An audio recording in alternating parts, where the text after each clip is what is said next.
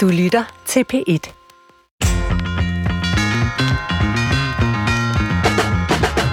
Jeg kan huske en gang, hvor jeg blev virkelig pinligt berørt. Jeg var næsten lige begyndt på universitetet, det var på filosofistudiet, og vi havde en ældre og noget distingueret underviser, der tiltalte, tiltalte os med de og alt muligt. Så rakte jeg hånden op for at svare på et af hans i øvrigt retoriske spørgsmål, som jeg nok ikke skulle have svaret på, og så svarede jeg helt forkert. Han blev tavs, kiggede på mig og spurgte helt køligt, Sig mig, har de overhovedet læst Hegel? Og der var fuldstændig stille i auditoriet, og jeg forsøgte at svare et eller andet, mens mit hjerte hamrede, og det var virkelig pinligt. Den slags erfaringer har vi jo nok alle gjort os, hvis ikke i et auditorium, så hvis vi har pruttet i kirken eller har haft en bussemand i næsen til jobsamtale. Men hvad fortæller det om os mennesker, at vi kan blive ramt af pinlighed? Hvorfor er det interessant at undersøge for filosofer og komikere? Det handler Brinkmanns Brix om i dag. Velkommen til en formentlig pinlig udsendelse. Jeg havde egentlig lyst til at begynde udsendelsen med at være fuldstændig stille for at skabe en akavet tavshed, så jeg kunne se, hvem der må først ville reagere og bryde stillheden. Fordi den kan jo virkelig være ubehagelig, især når man er sammen med fremmede mennesker. Men øh, så bliver jeg overtalt af min øh, tilrettelægger, Christoffer Heide Højer, til at lade være, fordi hvis jeg gjorde det, så ville en nødsender overtage programmet. Er det ikke rigtigt, Christoffer? Jo, Øhm, så vil øhm, den gode øh, gamle rektor for Filmskolen, øh, Poul Næsgaard, komme ind med et nødprogram. For det har jeg nemlig gjort før. Jeg glemte at tænde mikrofonerne. Og så bliver det bare pinligt hen ad vejen. Så kom Poul Næsgaard? Ja, med et ja. nødprogram, som ingen har hørt til ende, men hvis man lytter til en gammel hjernekasse, kan man høre 20-30 sekunder af det. Okay, han var ellers god til øh, pinlige øjeblikke på mange måder. Jeg tænker, det er derfor, han er sat ind som backup. men øh, Svend, jeg vil også gerne høre dig, fordi du øh, er, er ret øh, god til ikke at være sådan pinlig eller akavet, synes jeg. Det skal du ros for. Men jo, tak. når jeg beder dig om at skrive i manuskriptet inden udsendelsen, at du skal stille et eller andet kritisk spørgsmål øh, til nogle af gæsterne, et eller andet, hvor vi skal have noget, der er noget på spil, og måske er du endda uenig med dem, så bliver det, ligesom jeg gør nu, et rigtig, rigtig, rigtig lang indledning ja. til spørgsmålet. Og så kommer det tit suppleret med sådan en lille nervøs er, er det ikke også sådan? Eller et lille... Et lille... det kommer mit fedtmulegrin. Ja. ja. Øhm, hvad sker der? Der.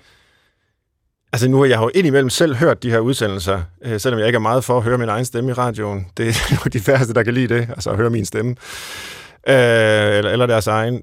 Men, øh, så jeg har lagt mærke til det der, og jeg er også lidt irriteret over det, men jeg, det handler jo nok om, at jeg her sidder i rollen som vært, og så inviterer jeg gæster. Og så når man er vært, så vil man gerne være en øh, høflig og beleven vært. Og så er man jo ikke vant til at overdænge sine gæster med kritiske spørgsmål. Altså det er faktisk en lille smule pinligt at skulle gøre det.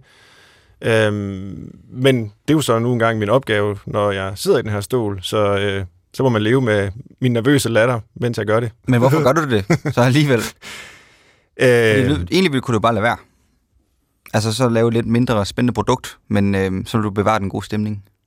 Ja, altså nu håber jeg jo, at der trods alt er en nogenlunde god øh, stemning i programmet, og at vi godt kan være uenige, for eksempel, og vi godt kan være kritiske, øh, uden at det, altså det stedet ødelægger den, den gode stemning.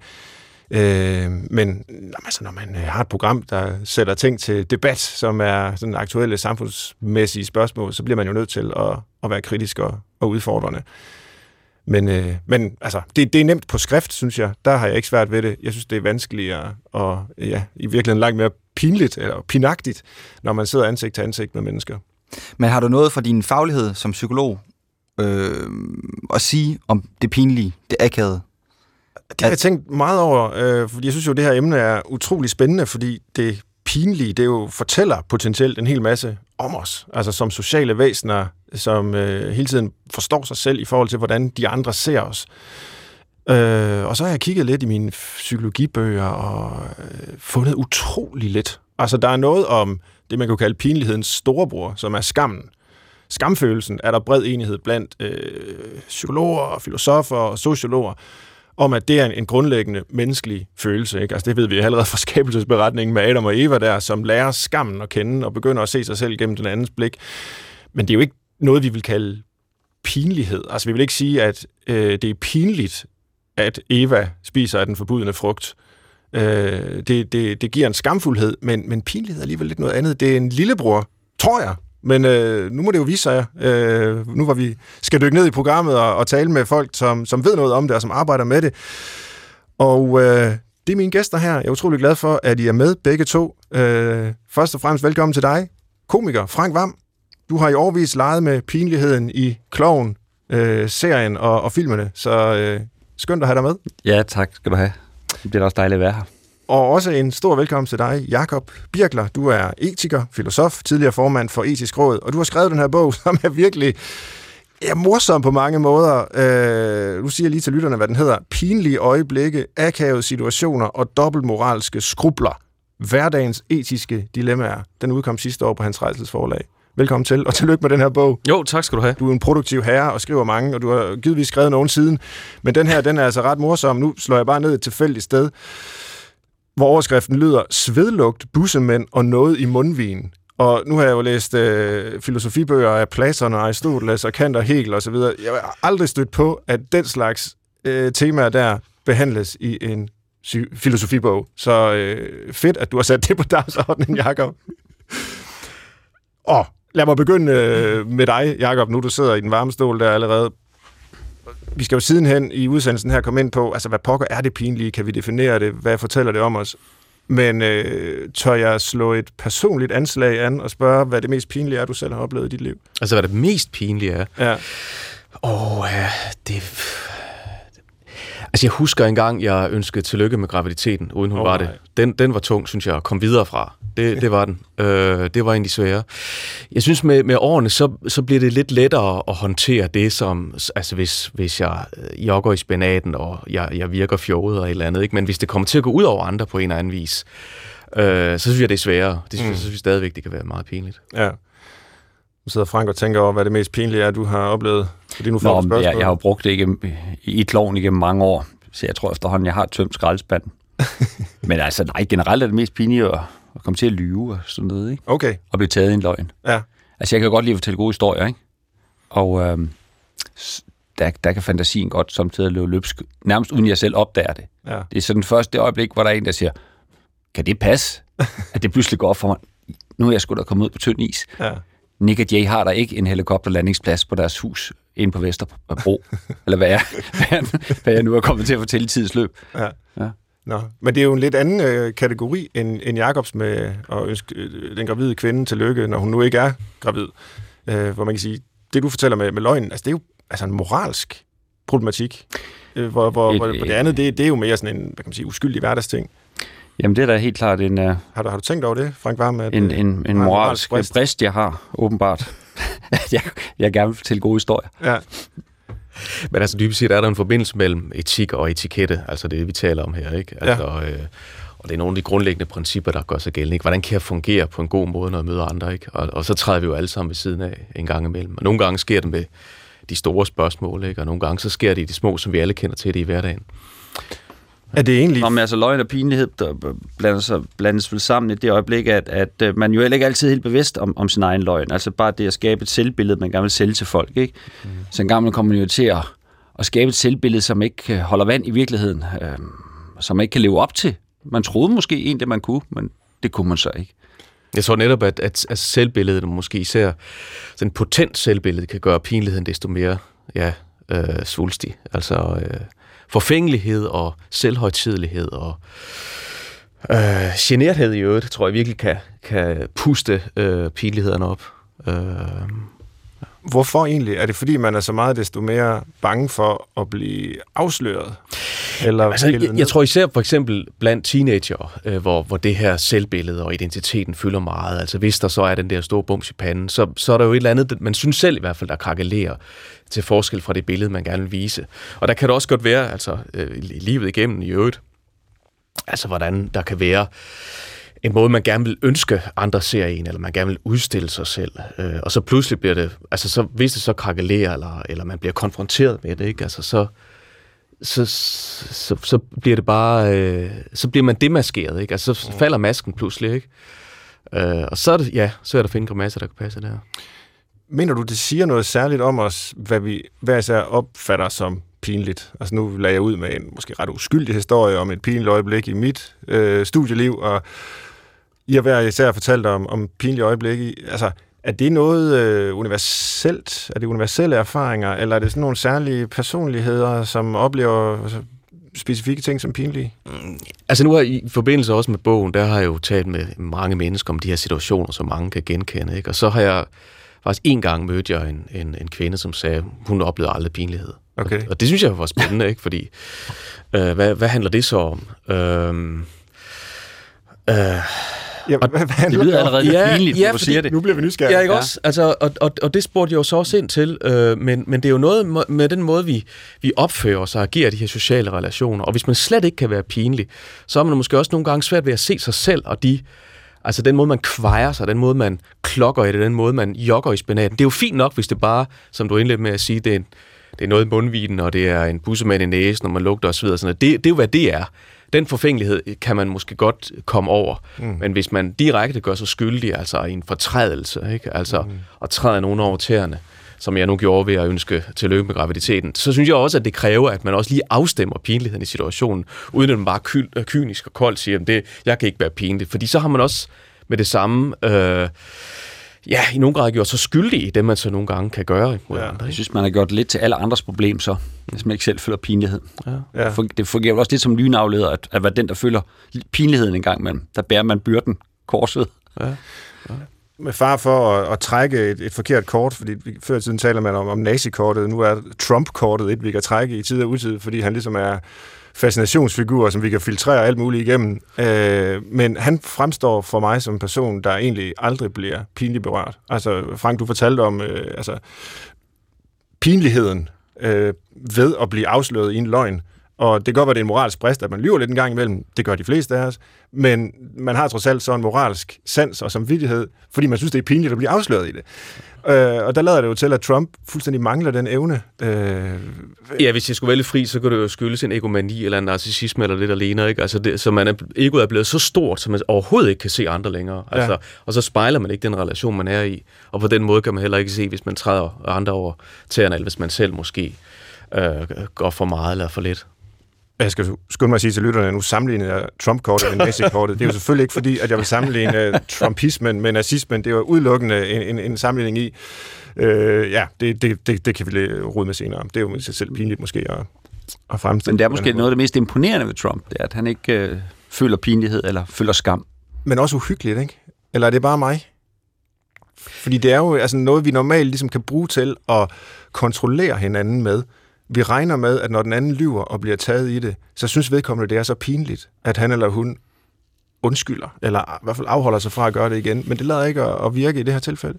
Altså uden at det skal blive for mig i hvert fald en lang Trump-analyse, så tror jeg, vi kan i hvert fald skelne mellem skam og pinlighed. Øh, det ja. nævnte du begreberne, ja. du det lige så, øh, Frank. Altså jeg, måske ikke fuldstændig kategorisk adskilte, men i hvert fald, at, at skam, øh, som jo ikke er så moderne i dag, det er måske på grund af sådan en religion, og der ikke er så, øh, så tungt et år længere. Øh, men, men hvor skam, det er noget, man selv går med. Man, man, øh, man, kan, man kan mure med det, om man så må sige, at man kan gå og skamme sig. Hvor pinlighed, den er, synes altid at være relationel, altså det er altid i en social sammenhæng, vi oplever det. Øh, så er der selvfølgelig også de sociale medier, det er sådan et, et, et kapitel for sig. Men det er, det, det, er, det er mere momentant, det er situationelt, det er den relation, jeg, jeg befinder mig, og så pludselig falder jeg udenfor, jeg falder ved siden af. Jeg, jeg falder ikke ind i den norm, vi nu har øh, accepteret, der er i den her sammenhæng. Eller jeg kan ikke finde normen. Altså, mm. i de her coronatider, hvor vi ikke må øh, give hånd eller kramme, så giver man albuen og sådan noget der. Ikke? Det er svært at gøre det meget formfuldendt og øh, formelt, ikke? Altså, Øh, det skal lige ledsages af et lille fnis og et lille grin, ikke? For, for ligesom at tage brøden af, af, af det der akavet, der viser sig. Mm.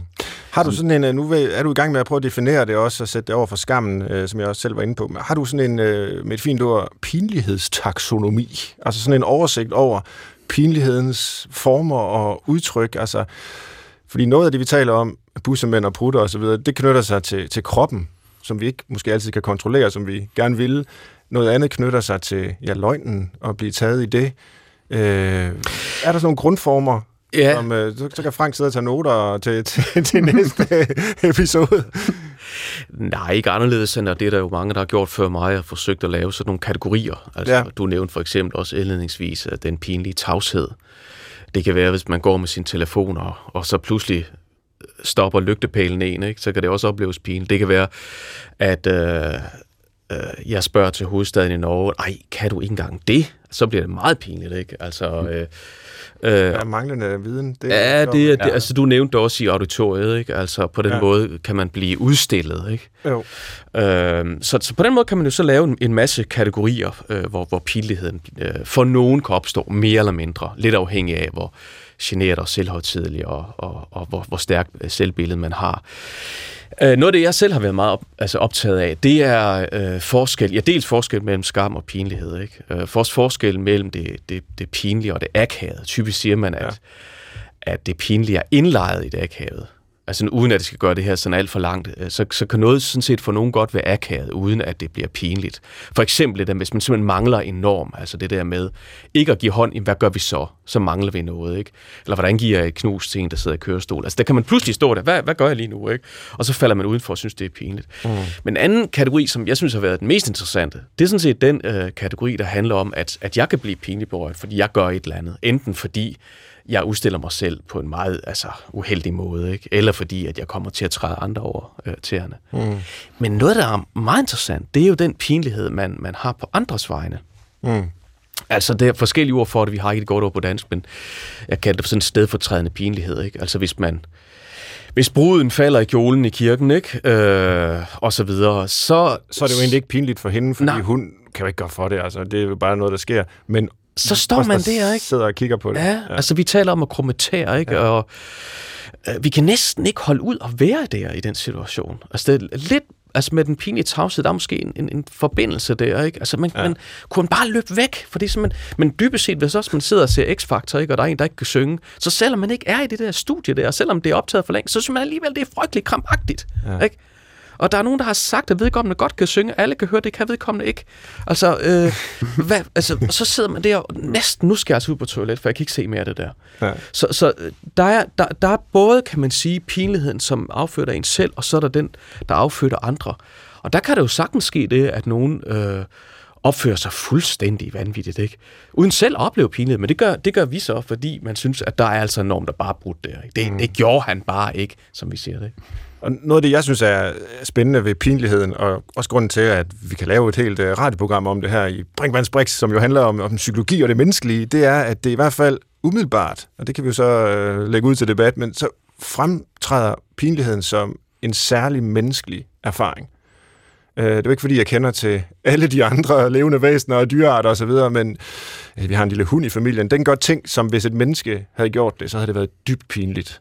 Hvad? Og altså, for eksempel øh, slikke sine egne kønsorganer i fuld offentlighed. Og, altså, den synes ikke, det er pinligt. Den skammer sig ikke over det. Den er fuldstændig ligeglad. Ikke? Den har ikke spist af den forbudne frugt, eller dens forfædre har ikke. Så den har ikke fået den her, det her blik på sig selv udefra. Øh, og, og, og jeg antager, altså, Jakob, Jacob, du kan svare på det, at pinligheden er en særlig menneskelig erfaringsform. Ja, og, og, og det vil nok mange give dig ret i. Sådan kan man finde i litteraturen. Og det handler jo også om, at vi kan spejle hinanden på måder, som dyr ikke kan. Og vi kan for eksempel vi kan være empatiske på måder, øh, som måske også er særligt menneskelige. Ikke? Altså for eksempel nu med, med, øh, med bruden, der falder i kjolen op på kirkegulvet. Ikke? Altså, øh, øh, så er det jo ikke bare en iagttagelse. Nå, der er en, der falder så er det fordi, det er en meget stram setting, det her. Ikke? Det er meget højtidligt. Det kan næsten ikke blive mere højtidligt. Og så brydes det maksimalt. Det kunne også være senere til, til, uh, til festen, ikke? hvor brudgommen rejser sig op og skal holde den der tale, som man virkelig bare har forberedt så længe. Nu skal den sidde i skabet, og så står gylden åben. Mm. Altså, eller... Øh, altså, det, det er... Der, der kan vi vi, vi, kan næsten, vi kan næsten mærke den smerte. Ligesom hvis man ser en, der, der, der falder og slår sit ben, ikke? Så, kan man, så kan man næsten også selv føle smerten, man føler med vedkommende. Så det, det er lige så vel som det fysiske, så kan man altså også opleve det pinagtige på egen krop, når andre øh, oplever det. Så det, det tror jeg selv på, i hvert fald, som jeg også selv erfarer det, at det, der er noget særligt menneskeligt der. Men omvendt har jeg også tænkt, at når man føler det så voldsomt, og det er så, så kraftfuldt, at så må det være næsten noget evolutionært, ikke? Altså, at, at, øh, at, at det, altså fordi vi, vi bilder jo at vi er individer, men i, virkeligheden kan man jo godt mærke langt den vej, så er vi et kød, og man er virkelig afhængig af, af andre menneskers accept. Og hvis man ligesom går skævt af de sociale koder, så er man sådan lige et kort øjeblik udenfor. Og nu om dagen i moderne tid, der kan man jo bare grine af det, ikke? fordi det er jo ikke noget, der slår ind ihjel. Men altså for 10.000 år siden, det at, at skulle sidde alene ude i junglen en hel nat, det har måske kostet en livet, ikke? Altså, man har virkelig... Altså, det øjeblik, man, man føler, man bliver skubbet ud af, af kredsen, så er det øh, evolutionært set en livsfarlig situation. Mm. Jeg tror, det er derfor, man reagerer så sindssygt voldsomt. Det har, selv tænkt, ikke? Mm. Altså, fordi øh, vi oplever det jo i kloven, ikke? Det, det vi morer så i kloven, det er jo, altså, som også er så dejligt, det er jo, at Frank taber ansigt igen og igen, uden han dør af det. Der er en ny dag i morgen. Ja. øh, og, det, og det er til trods for, at i øjeblikket virker det som om, at det er verdens undergang. Ja. Og det er jo næsten definitionen på en sitcom, det her med, at og det, på den måde afspejler det måske ganske godt livet. Altså, der er ikke nogen udvikling. Øh, ikke, ikke for alvor, vel? Altså, jo, det er der i de enkelte episoder, men Frank bliver jo ikke klogere øh, sæson efter sæson. Altså, han, han laver nej, de samme nej, fejl, nej, laver de samme, de samme pinligheder, ikke? Altså, det jo... øh, og, og, og sådan er vi jo nok på mange måder også som ja, mennesker. Jeg, altså. jeg tror personligt ikke på den personlige udvikling. Nej. Jeg tror på, at vi ældes. vi ældes med øne eller det modsatte. Du lytter til Brinkmanns Brix på P1, hvor jeg i dag taler om pinlighed med mine gæster, som er filosof Jakob Birkler og komiker Frank Vam. Og Frank, nu var du selv ind på øh, Kloven, som jo er et øh, skægt og ja, fantastisk univers, hvor I blandt andet jo bruger pinligheden øh, komisk. Øh, hvordan opdagede du egentlig, at det pinlige, det var sjovt eller spændende at arbejde med? Om det, det synes jeg, man, det, det, det finder man jo allerede, da man er barn. Ikke? Det, ja. det tror jeg alle sammen, vi opdager. Ikke? At det, at noget er pinligt, er bare lattervækkende. Det er klart, hvis man så står for et menneske, der ikke selv kan se det pinlige i situationen, så kan man ikke slippe af med sin latter, og så bliver det bare øh, endnu værre. Øh, men øh, men en, en vej ud af pinlighed er jo latter, og øh, øh, de to, de to, de følges. Ja. Øh, og det, øh, og der laver vi jo så øh, kloven, som jo langt hen ad vejen er bygget på et, en person, som er, er socialt øh, ikke særlig dygtig, øh, som øh, er, er fuld af egentlig ædle idealer, og som gerne vil, vil være ærlig, men det er jo altså en katastrofe indimellem i social sammenhæng. Ja, han vil i princippet det gode, ikke? Det vil han. Han vil ja. det gode. Ja. Og, og så har vi lavet hans modpart, ikke? Det er jo så uh, Kasper, ikke? Der er socialt utrolig agil og, og, og virkelig dygtig til at af, afkode øh, det, det sociale sprog, og som øh, altid lander på benene ja. i de her situationer. Og han vil ikke i samme omfang det gode, kan man Han vil slet ikke det gode, og han er løgnagtig, og han er, øh, han er en skiderik, og der er ingen tvivl om, at, at, at Franks ægteskab, som øh, jo hele tiden er, som er fyldt af, af pinlige episoder, er et bedre ægteskab end Kaspers ægteskab. Ja. Ikke? Som, og det, så, så på den måde er det jo en, hvad kan man sige... Øh, Altså, øh, i hvert fald det at beherske sociale koder, øh, jo et, øh, hvad kan man sige, en gennemgående rød tråd i ja. kloven. Hvad er det ved Frank, der gør, at han igen og igen havner i de der situationer, som er pinlige? Altså, det er, er, fordi, er det, at han, er det det, at han er egentlig et godt menneske, som bare ikke kan finde ud af vi, det, eller hvad? Vi kender jo alle sammen godt det, at vi træder ved siden af og, og, og aflæser en, øh, en social situation forkert. Og vi kender også alle sammen det, at man tænker, i en situation, det her, det er bullshit. Det her, vi står og fortæller hinanden lige nu, det, det er simpelthen noget pis. Der er en elefant i rummet, der ikke bliver omtalt. Og, ja. så, og så omtaler vi den indimellem, ikke? Altså, min karakter, Frank, gør det hele tiden. Ja. det, er, det er jo livsfarligt, det er klart. Ja. Øhm. Hvordan har du og Kasper Christensen der, altså, det er ikke fordi, I skal afsløre alle jeres uh, tricks, hvordan man laver en succesrig tv-serie. Men altså, det er bare i gang. Samler I, uh, har I samlet uh, episoder ind fra folk? Altså, fordi der er jo noget ekstremt... Altså, noget, noget af det jo lidt er ekstremt, ikke? men det er også ekstremt genkendeligt for mange af os. Jeg, jeg kender sågar en øh, af mine venner, som mener, at øh, en af de ting, der sker, det er simpelthen hende, der har oplevet det. Og så må det være nogen, der har sladret til jer. Jamen, det kan, det kan også godt ske. Altså, er, altså har I vi, været ude og afsøge vi starter altid nation, med, eller? Vi starter altid med at, at, at skrive ved at bare sætte os ned og så snakke om, hvad, hvad der egentlig sker i vores liv, og hvad vi har oplevet de sidste par måneder. Ikke? Og i den forbindelse, så, så kommer der en masse ting på, på idélisten, som mange gange øh, er pinlige ting, altså som vi har oplevet ikke personligt. Det kan også være historier, man har hørt. Øh, gennem venner, venners venner. Ja. Så den kvinde, du omtalte der, kan meget vel være i et afsnit. Okay. Og det bliver hun glad for, tror jeg, selvom hun også synes, det er lidt pinligt. det er Pearl Necklace. Nå, nå, nå. Ja. ja det, det er en af de pinlige historier. Ja, hun har i hvert fald ikke fortalt den til os direkte, men det er da meget, meget interessant, hun er udsat for det. Så må lytterne sidde og gruble over, hvad det er. I, I kan google det. jeg, jeg skal ikke forklare det. Øh, så er det bare lidt øh, sjovt nu, hvor vi taler om, hvor tokrummende det pinlige er. Jakob, du var inde på, altså, dem, der beskuer det, øh, kan jo næsten ikke være i det, og man må gå ud og, og sunde sig og tage et glas vand osv., så, videre. så er det bare lidt mærkeligt, at vi gider se øh, en serie som Kloven og film som klovnfilmene. Altså, hvorfor vil vi øh, se det, vi ikke kan holde ud at se? Jamen, det er jo fordi, vi kan spejle os i det for Søren. Altså, øh, vi kan jo godt finde en flere os selv i alt det der, og måske også nogle gange mere end det. Øh, og øh, vi skal jo alle sammen for, for, forsøge at fungere i de der sociale relationer. Øhm, og, og vi kender også alle sammen det der med at træde ved siden af. Måske ikke altid i samme grad, som det så blev udstillet der, men, men øhm, og derfor vil vi også gerne forsøge at mestre det. Ikke? Mestre det. Øh, nogle gange kan det så også være sjovt at se, når, når det ikke bliver mestret. Det er jo så måske en del af konceptet, men, men, øh, men jeg tror selve det der, altså spejlingen, altså vi kan, det genkendelige, mm. en del af det i hvert fald. Ikke? Mm. Det, er, det tror jeg, vi kan være draget af. Ikke? Ja. Når jeg ser kloven, så jeg ved godt, det bliver diskuteret meget, hvad det er, I gør, hvad det er, der fungerer, om det overhovedet er... Altså, der er også nogen, der er sure på det univers, ikke? Øh, og synes, det er bare jo, jo, så, folk også. Men det jeg, jeg synes egentlig, det dybest set er en moralsk fortælling. Altså, det, ja. det er jo ikke, fordi jeg Nej. tror, at de har siddet og sagt, nu vil vi lave en moralsk fortælling. Men, Nej, men, men altså, det, jeg, jeg vil lige øh, jeg, jeg vil sige tak. øh, jamen, fordi øh, samtidig bliver vi jo skudt i skoene, at vi er helt uden moral, og vi, ja, vi er anløbende på alle lederkanter. Ikke? Men, men jeg mener faktisk, at, at det er en, en øh, serie, der konstant diskuterer moral, og mm. hvor går grænsen, ikke? Øh, og det kræver selvfølgelig også, at vi selv gør os nogle tanker om, hvor, hvor den grænse går. Øh, både i virkeligheden, altså i, ude blandt mennesker, men også inde i os selv. Ikke?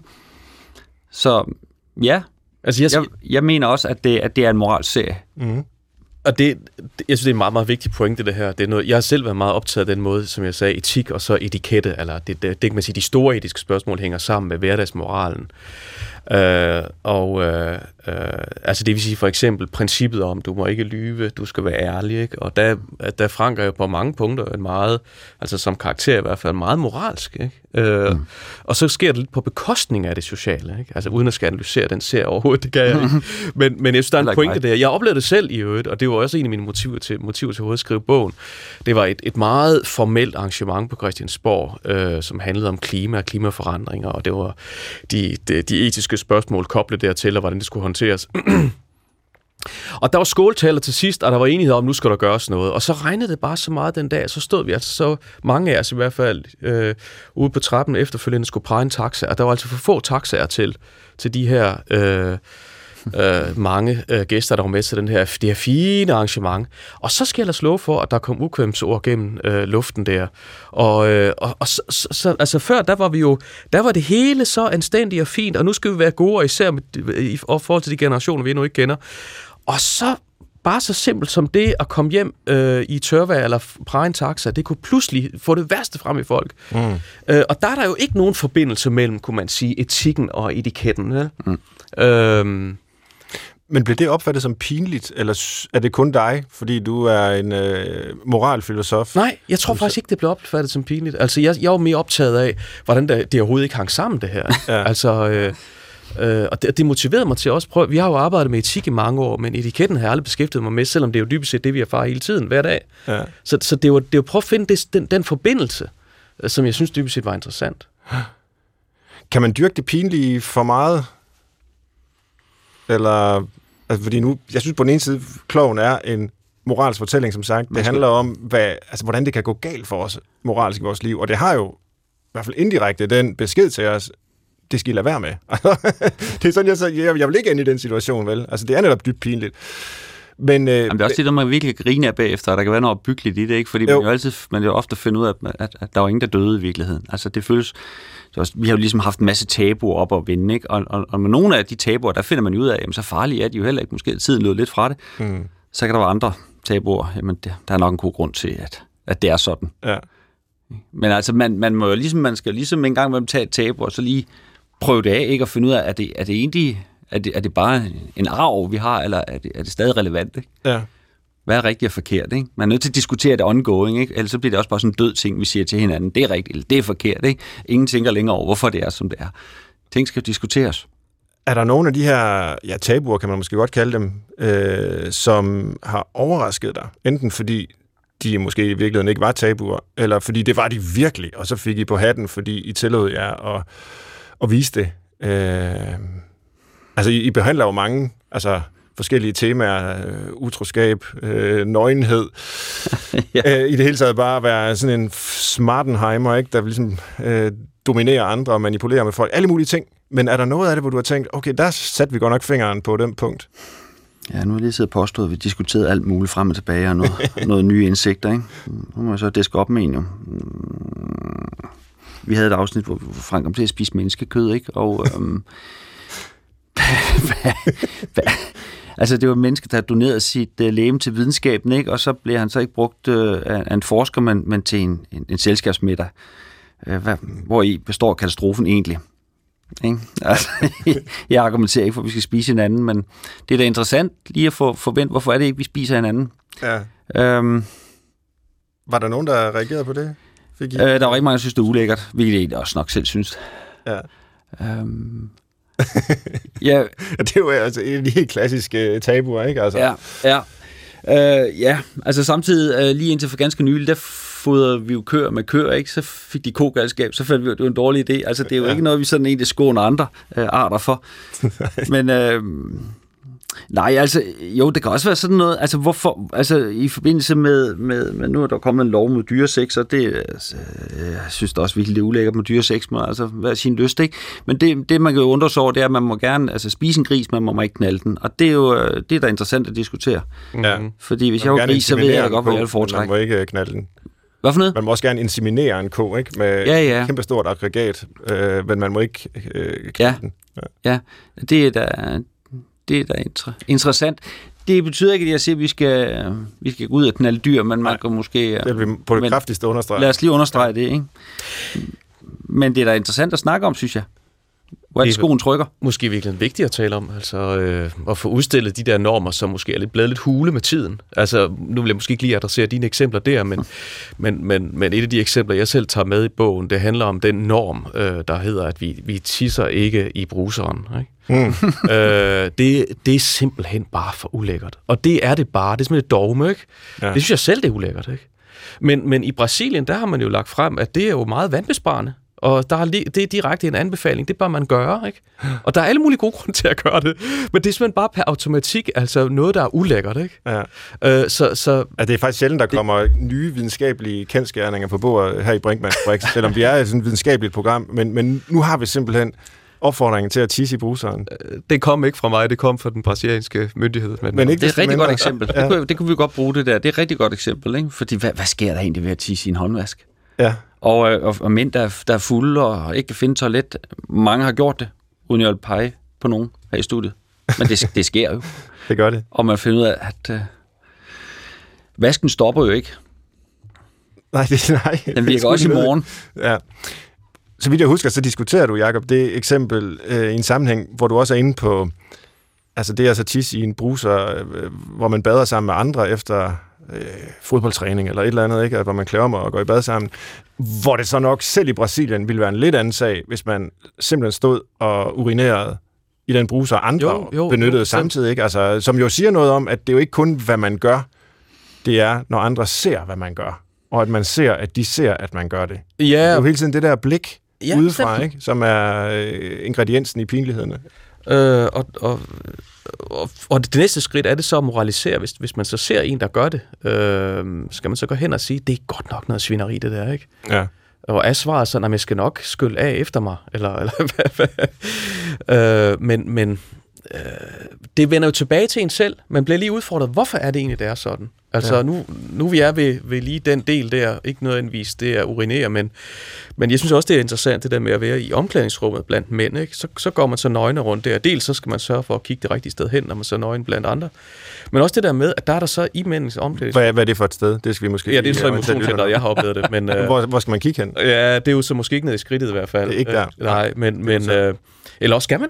Øh, det kan måske blive pinligt, hvis man så gør det. Men, øh, men i hvert fald, der er en nøgenhed. Men ikke desto mindre, så er det jo typisk også et toilet, hvor man så også kan tisse, men der låser man så døren. Og hvorfor gør man egentlig det, når man lige har stået og kigget på hinanden, eller ikke har gjort det, osv. Ja. Der, er, der er mange af de der per konvention vedtaget sociale normer, som, som nogle gange også lige skal trykke på en gang, ikke? en gang imellem. Ikke? Øhm, og det kan pinligheden måske også være med til, fordi den så vender tilbage til en selv. Hvorfor er det her egentlig pinligt? Mm.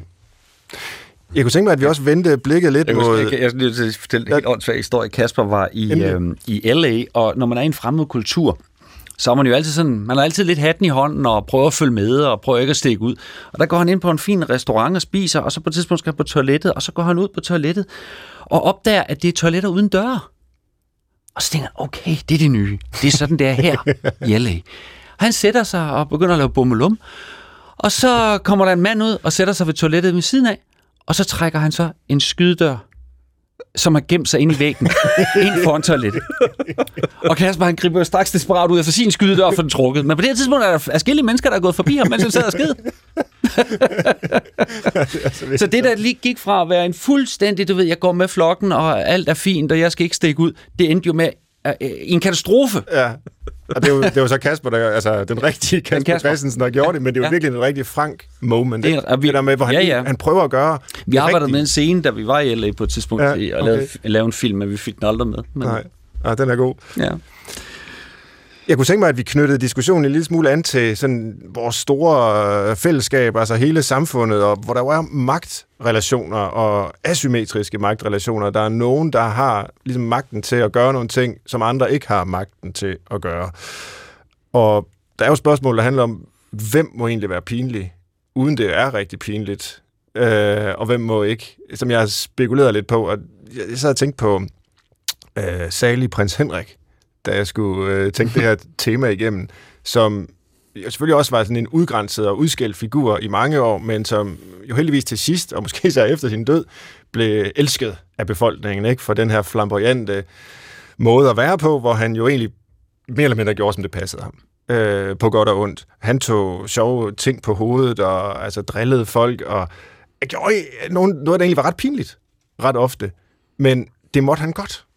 At der var aldrig nogen, der ligesom rettede på ham. Måske gjorde dronningen det, når de var private, det ved vi ikke noget om. Men der var ikke nogen, der sagde, du skal ikke lige, når du besøger Randers Regnskov, tage den der slange på hovedet. Øh, eller, altså, fordi han var en magtfuld figur. Er det så egentlig pinligt? Øh, opfatter, øh, Frank, du det som, øh, som, som pinligt, når prins Henrik gør det der? Eller? Jeg vil sige, generelt bliver ældre mænd jo mere pinlige med alle andre, fordi de bliver mere og mere ligeglade, simpelthen. Og på ja, et tidspunkt ja. melder de så også ud i en grad, så de næsten er, ja. er øh, undværlige. Men, så de øh, gør mere og mere pin, men, men samtidig så, øh, men, men, når de bliver mere og mere ligeglade, så er det vel altså, på en eller anden måde også mindre og mindre pinligt. Altså hvis man bare jo, jo. med det. Jo, jo. Det der, og, og i, i, i den der kongehus-ramme der, hvor det hele er alt stramt, ikke? Ja. Øh, der er det jo en befrielse at se en mand, der, der slapper af og, og har øh, bærer silkestrømper ja. helt op til knæene. ja. og iskold omkring det. Ja. Så det handler vel også lidt om baggrunden, hvor, hvorpå man gør det. Altså, øh, man er jo altid lidt misundelig på, som komiker på præsten og på nyhedsoplæseren, fordi de skal sige så lidt morsomt, før folk vælter ned af stolen og griner. Altså, det er sådan en overraskelse, når præsten pludselig er morsom. Ja. Så, så bliver han bare stemplet som altså, mega-komikeren. Ja. Ikke? Hvor vi andre kigger på ham og tænker, okay, han, han, har, han har talt en time og siger en sjov ting. Det kunne jeg da ikke uh, sælge billetter på. Nej, det er rigtigt. Jeg har selv arbejdet lidt med det øh, i forbindelse med politik, og den måde politikere de kan blive pinlige. Mm. Og der kan det afføde forskellige reaktioner, altså selvfølgelig også afhængig af, hvordan det sker. Men øh, altså hvis, øh, hvis du er en sundhedsminister, øh, lancerer en stor øh, kampagne omkring øh, øh, sundhed, nu skal vi spise sundt for eksempel, ikke? og så står han selv med en vinerbasse i hånden. Øh, så behøver det jo ikke at være pinligt, altså hvis han så bare selv har altså, sig selv med i ligningen, om man så må sige. Ikke? Altså, mm.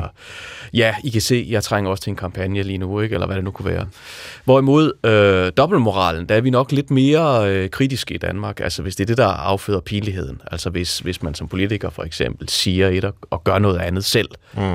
Øh, ikke sorterer affald på samme måde, som man lige har tordnet frem blandt danskerne, der er vigtigt at gøre det. Ikke? Øh, så, så falder hammer lidt hårdere. Ikke? Øh, så jeg tror, det er lidt afhængigt af, hvilken form for både øh, situationen handler om, men også håndteret, hvordan det bliver håndteret, ikke? Altså, øh, ja. ja. Men jeg forestiller mig også, øh, jævnfør vores øh, scene fra før med øh, manden, der tisser i badet, i brusebadet, og måske endda i fælles brusebadet. øh, det er ikke, fordi jeg beskylder prins Henrik for at have gjort sådan noget, men hvis han havde gjort det, så havde han fået lov til det. Ikke? Altså, det, det, det fascinerer mig bare, hvordan der er nogle mennesker, der kan slippe afsted med mere, fordi de på en eller anden måde er hævet over ah, på den øh, normerne. Øh, Ja, se bare, han er ligesom os andre, eller ah, det er han måske ikke helt, men det er alligevel sjovt at se på, eller hvad? Altså, ja, det... ja, eller at man bare har så meget autoritet, enten fordi man bare bærer den autoritet øh, som en form for personlig karisma, eller fordi man har den i kraft af sin position. Øh, prins Henrik havde det måske på begge måder. Øh, at, at, at det, der for alle mulige andre mennesker vil være pinligt, det, det er lige pludselig ikke pinligt. Det kan også være en, en leder for en stor virksomhed, der, der gør alle mulige mærkelige ting, ikke? hvor man siger, okay, men han er ligesom chefen. Så, øh, så der er det ikke pinligt, men hvis enhver anden havde gjort det. Altså, jeg efterlyser hvis, lidt... Hvis prins Henrik kan tisse af Brugson, så er det jo, mens der er andre mænd til stede, så vil jeg i hvert fald sige, det er pinligt. Ikke? Det er ikke sikkert, det bliver påtalt, fordi Nej. det er prins Henrik, og, og man simpelthen ikke tør påpege det. Men øh, vedkommende, der har set det, vil jo straks løbe ud og fortælle til sine venner, som vil fortælle til sine venner igen, og man vil grine prins Henrik øh, herfra, og så ja. indtil. ja, det, det er selvfølgelig ikke så godt. Nej. Ja, fordi, som jeg har forstået vores diskussion indtil videre om pinlighed, så er, er pinligheden med til at afdække nogle sociale normer for os, som vi ikke rigtig tænker over til hverdag. Alle de her selvfølgeligheder, øh, altså man, øh, man skider ikke i kattebakken, eller, altså, eller alle mulige ting, vi ikke går og gør, men hvornår man ikke rigtig er formuleret, de bliver pludselig synlige, når de bliver brudt. Mm. Og, så, og så er det pinligheden, der fortæller os, hvad de normer egentlig består Ja, præcis. Så bliver det bekræftet, mm. kan man sige. Men mm. der lever vi jo bare i et samfund, og det er måske universelt for mennesket, hvem ved, øh, hvor, hvor, hvor vi har forskellige øh, roller og autoritet og magt. Og, og nogen kan måske overtræde de normer der, uden at det er pinligt, fordi det er dem, der bestemmer. Det kan godt være, jeg... Øh... Men vi elsker også, når børn er pinlige, ikke? Det er jo så ufarligt. Ja. Ren er vi af det. Mm.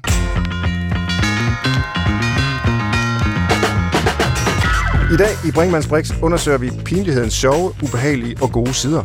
Komiker Frank Vam og filosof og forfatter til pinlige øjeblikke, akavede situationer og dobbeltmoralske skrubler, det hedder den, bogen. Jakob Birkler er med i studiet, og det er tilrettelægger Christoffer Heide Højer også. Og Christoffer, du har måske en pointe om en type, der virkelig kan ødelægge den gode stemning. Ja, ej, men det er jo fordi, nu ødelægger det også for dig. Jeg havde jo forberedt at spørge om den type, der, der ikke oplever det pinlige, ah. som er fuldstændig ligeglad. Øh, for jeg kender et par stykker, øh, men det vil jeg egentlig ikke gøre alligevel. jeg vil spørge, om I kunne... Akavet. Ja, virkelig akavet. Men jeg vil spørge, om øh, I vil kunne leve uden det pinlige. Altså, kunne man slette det, og så ville det være fint? Ja, man kan jo gøre forsøget, men så træder man også lidt ud af det sociale fællesskab. Altså, øh, jeg vil ikke overholde de andres normer, kan, kan jeg sige til mig selv. Men så, så vil andre jo så udstille mig, så det der ikke gør det. Og så bliver det lidt svært at fungere i den sammenhæng. Øh, det kan også være, fordi jeg, ikke, jeg kan simpelthen ikke finde de normer, der er lige her. Øh, hvad, hvad gør jeg? Det, det er nyt, det er fremmed. Øh, så det der med at passe ind og blive pinligt berørt, når jeg ikke gør det, eller når nogen ikke gør det. Øh, så det, det har også en god side, det at være pinligt berørt. Det er slet ikke at være det. Øh, så kan det være måske lige frem, at man bliver set skævt til. Ikke? Øh, og udstillet som netop det pinlige. Ikke? Hvad med dig, Frank? I forhold, du har jo selvfølgelig mm, jeg tænker, jeg bliver penge på det, ikke? men ja. Ja. Nå, men jeg, jeg, jeg tænker lidt det samme som, som Jakob der, altså så, så melder man sig jo fuldstændig ud, hvis man er øh, hvis man ikke føler pinlighed, og øh, bliver i virkeligheden lidt en, en uhyggelig personage.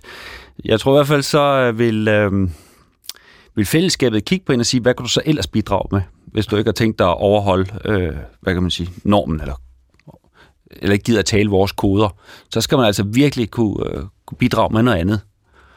Ja, og hvad er det så? For at få lov til at være øh, sådan en, en underlig person, der ikke, øh, hvad kan man sige, vil være en del af, af fællesskabets sprog.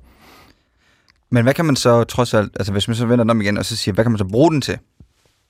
Altså for uden at indgå i et fællesskab, for, altså hvad er det egentlig, den, den tilbyder os pinligheden, det akavede?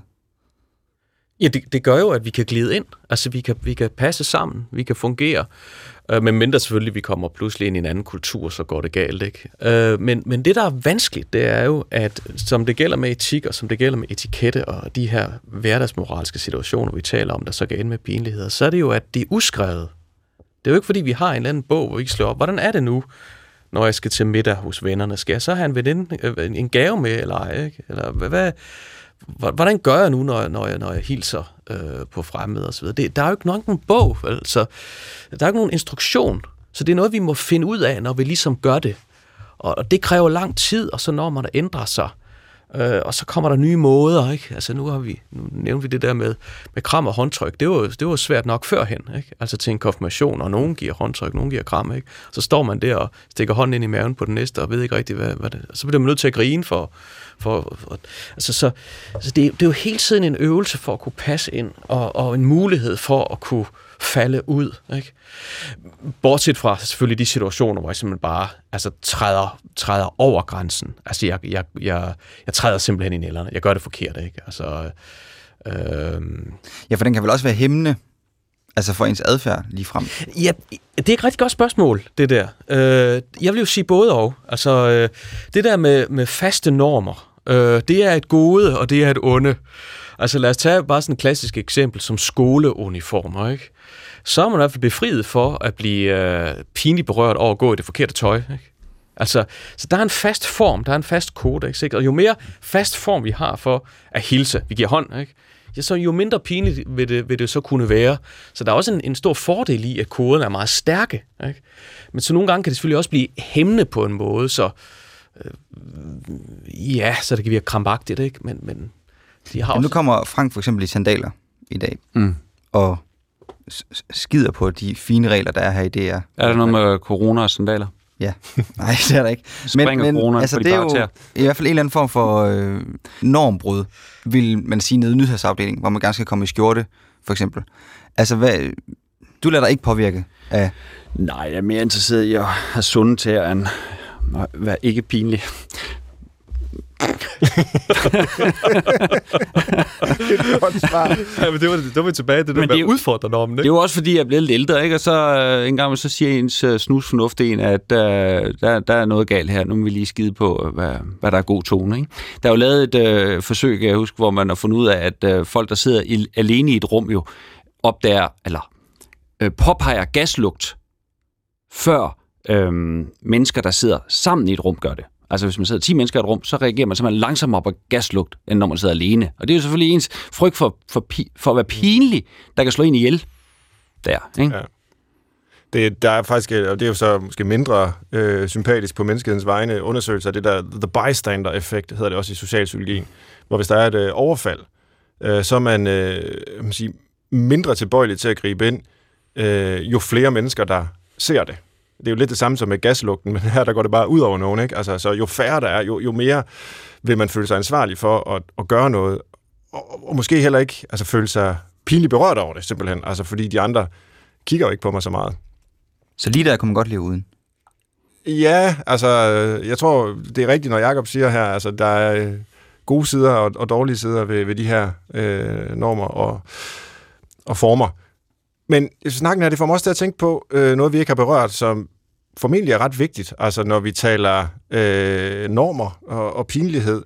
Og det er altså kult, kulturelle forskelle.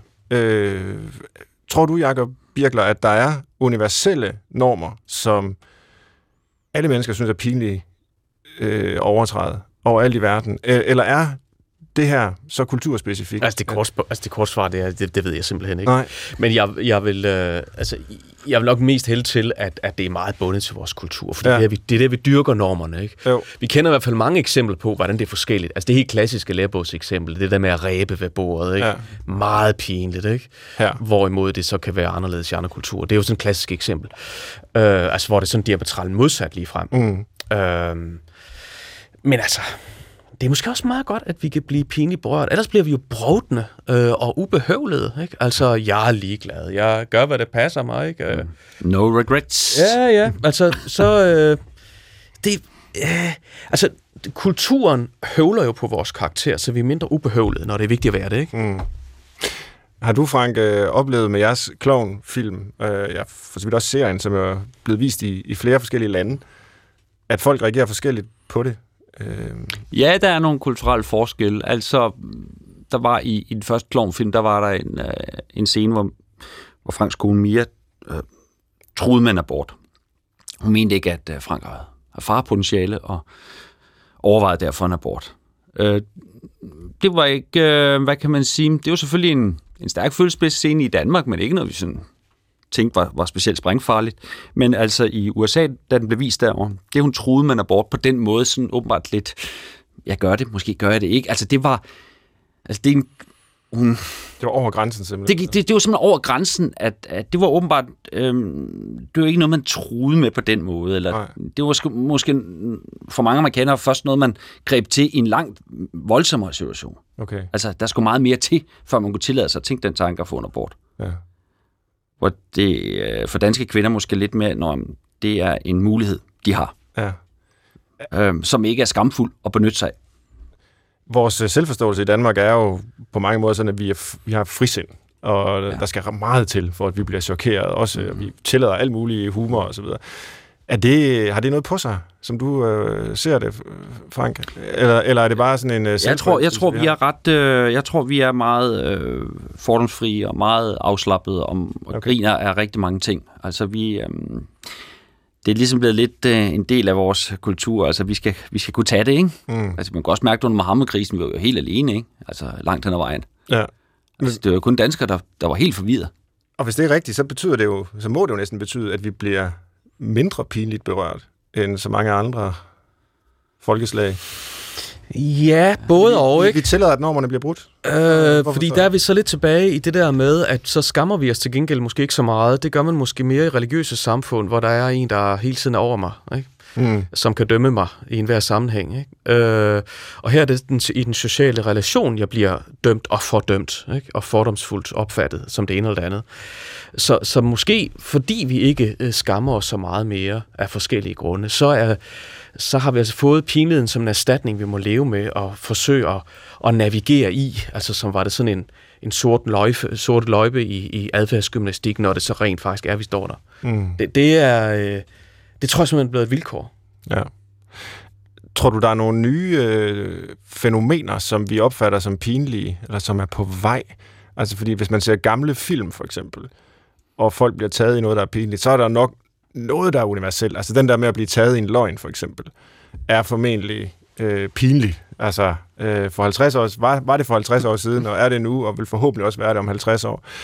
Men, men der er måske andre ting, øh, måske i forhold til vores kroppe, øh, hvor vi, øh, altså, ja, bussemænd og ting i mundvin og, og så videre, som du også skriver om Jakob Birkler, er der en eller anden øh, med kropsbevidsthed og kropsaktivisme og kropstolerance? Øh, og, altså, det kan godt være, at jeg blander noget ind, som ikke hører hjemme der, men, men er, det, er, det, er vi på vej mod en, en større grad af, af, af frihed på det område, der gør, at vi ikke bliver så pinligt berørt?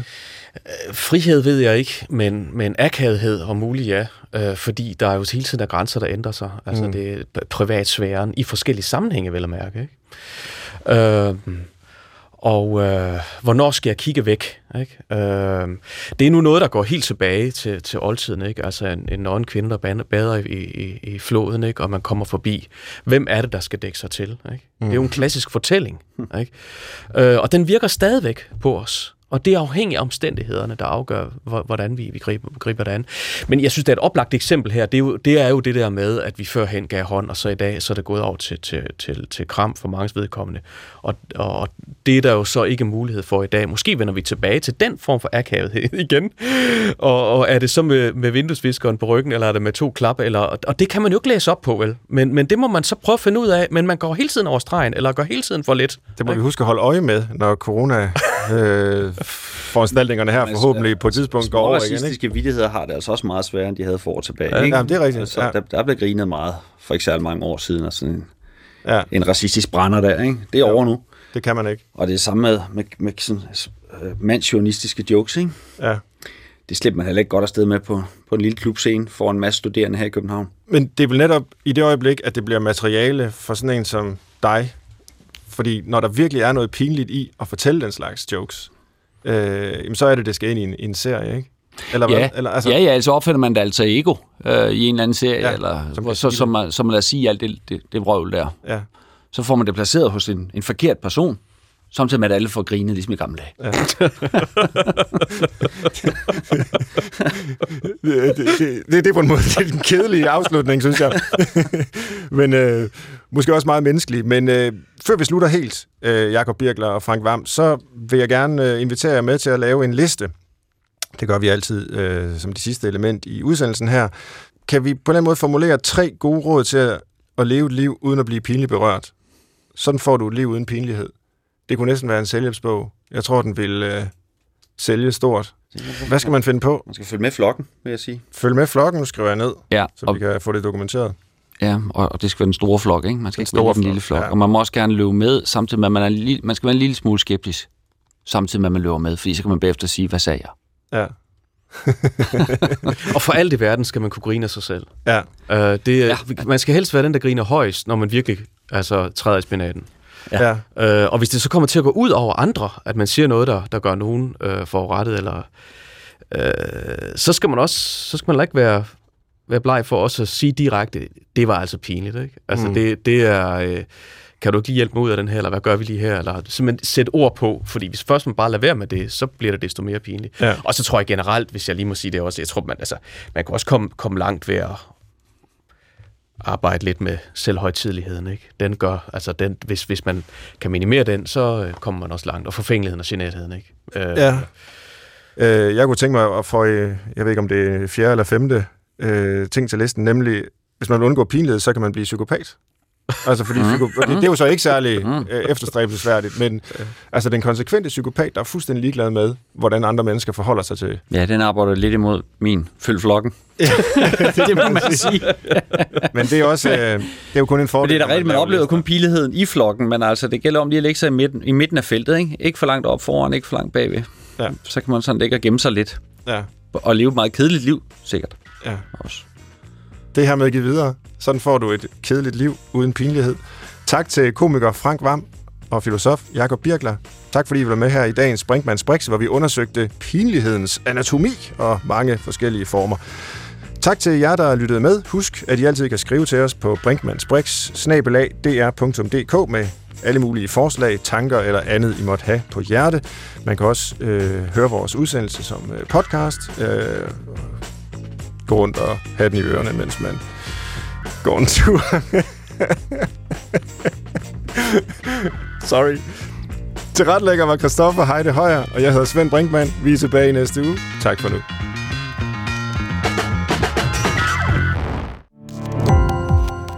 Gå på opdagelse i alle DR's podcast og radioprogrammer. I appen DR Lyd.